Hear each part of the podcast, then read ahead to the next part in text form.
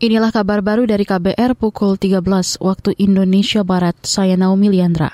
Dewan Pers menyoroti masih tingginya kasus kekerasan yang menimpa jurnalis. Ketua Dewan Pers Nini Rahayu menilai diperlukan suatu payung hukum berupa undang-undang yang melindungi orang-orang rentan terhadap pelanggaran hak asasi manusia atau human right defender.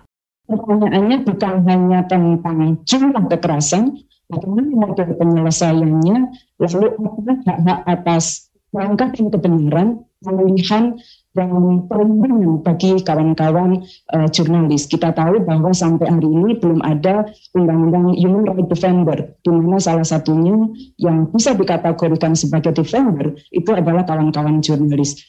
Ketua Dewan Pers Nini Rahayu mengatakan data-data kekerasan yang dialami jurnalis masih cukup tinggi dan belum semuanya bisa diselesaikan. Hal itu harus menjadi atensi dari pemerintah untuk bisa memberikan proteksi lebih bagi para jurnalis di tanah air. Sebelumnya, Aliansi Jurnalis Independen AJI dalam laporan berjudul Serangan Meningkat, Otoritarianisme Menguat, mencatat jumlah kekerasan terhadap jurnalis tahun lalu mencapai 61 kasus.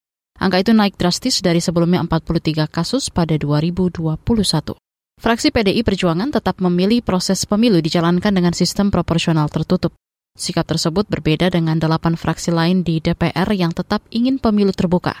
Anggota fraksi PDIP Arteria Dahlan mengatakan, partainya berpandangan bahwa uji material undang-undang tentang pemilihan umum pemilu terkait sistem proporsional pemilu perlu dipertimbangkan untuk dikabulkan. Arteria menyampaikan itu mewakili fraksi yang mendukung pemilu sistem proporsional tertutup dalam sidang terbuka di Mahkamah Konstitusi MK siang ini.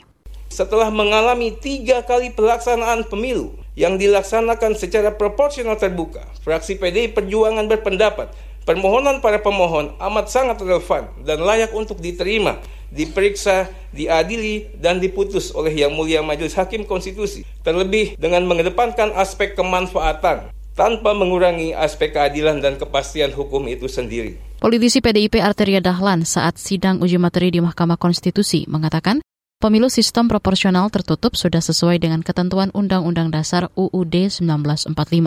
Isinya menyatakan peserta pemilu memilih partai politik untuk menentukan anggota DPR dan DPRD yang akan bertugas di periode baru. Kita ke berita luar negeri.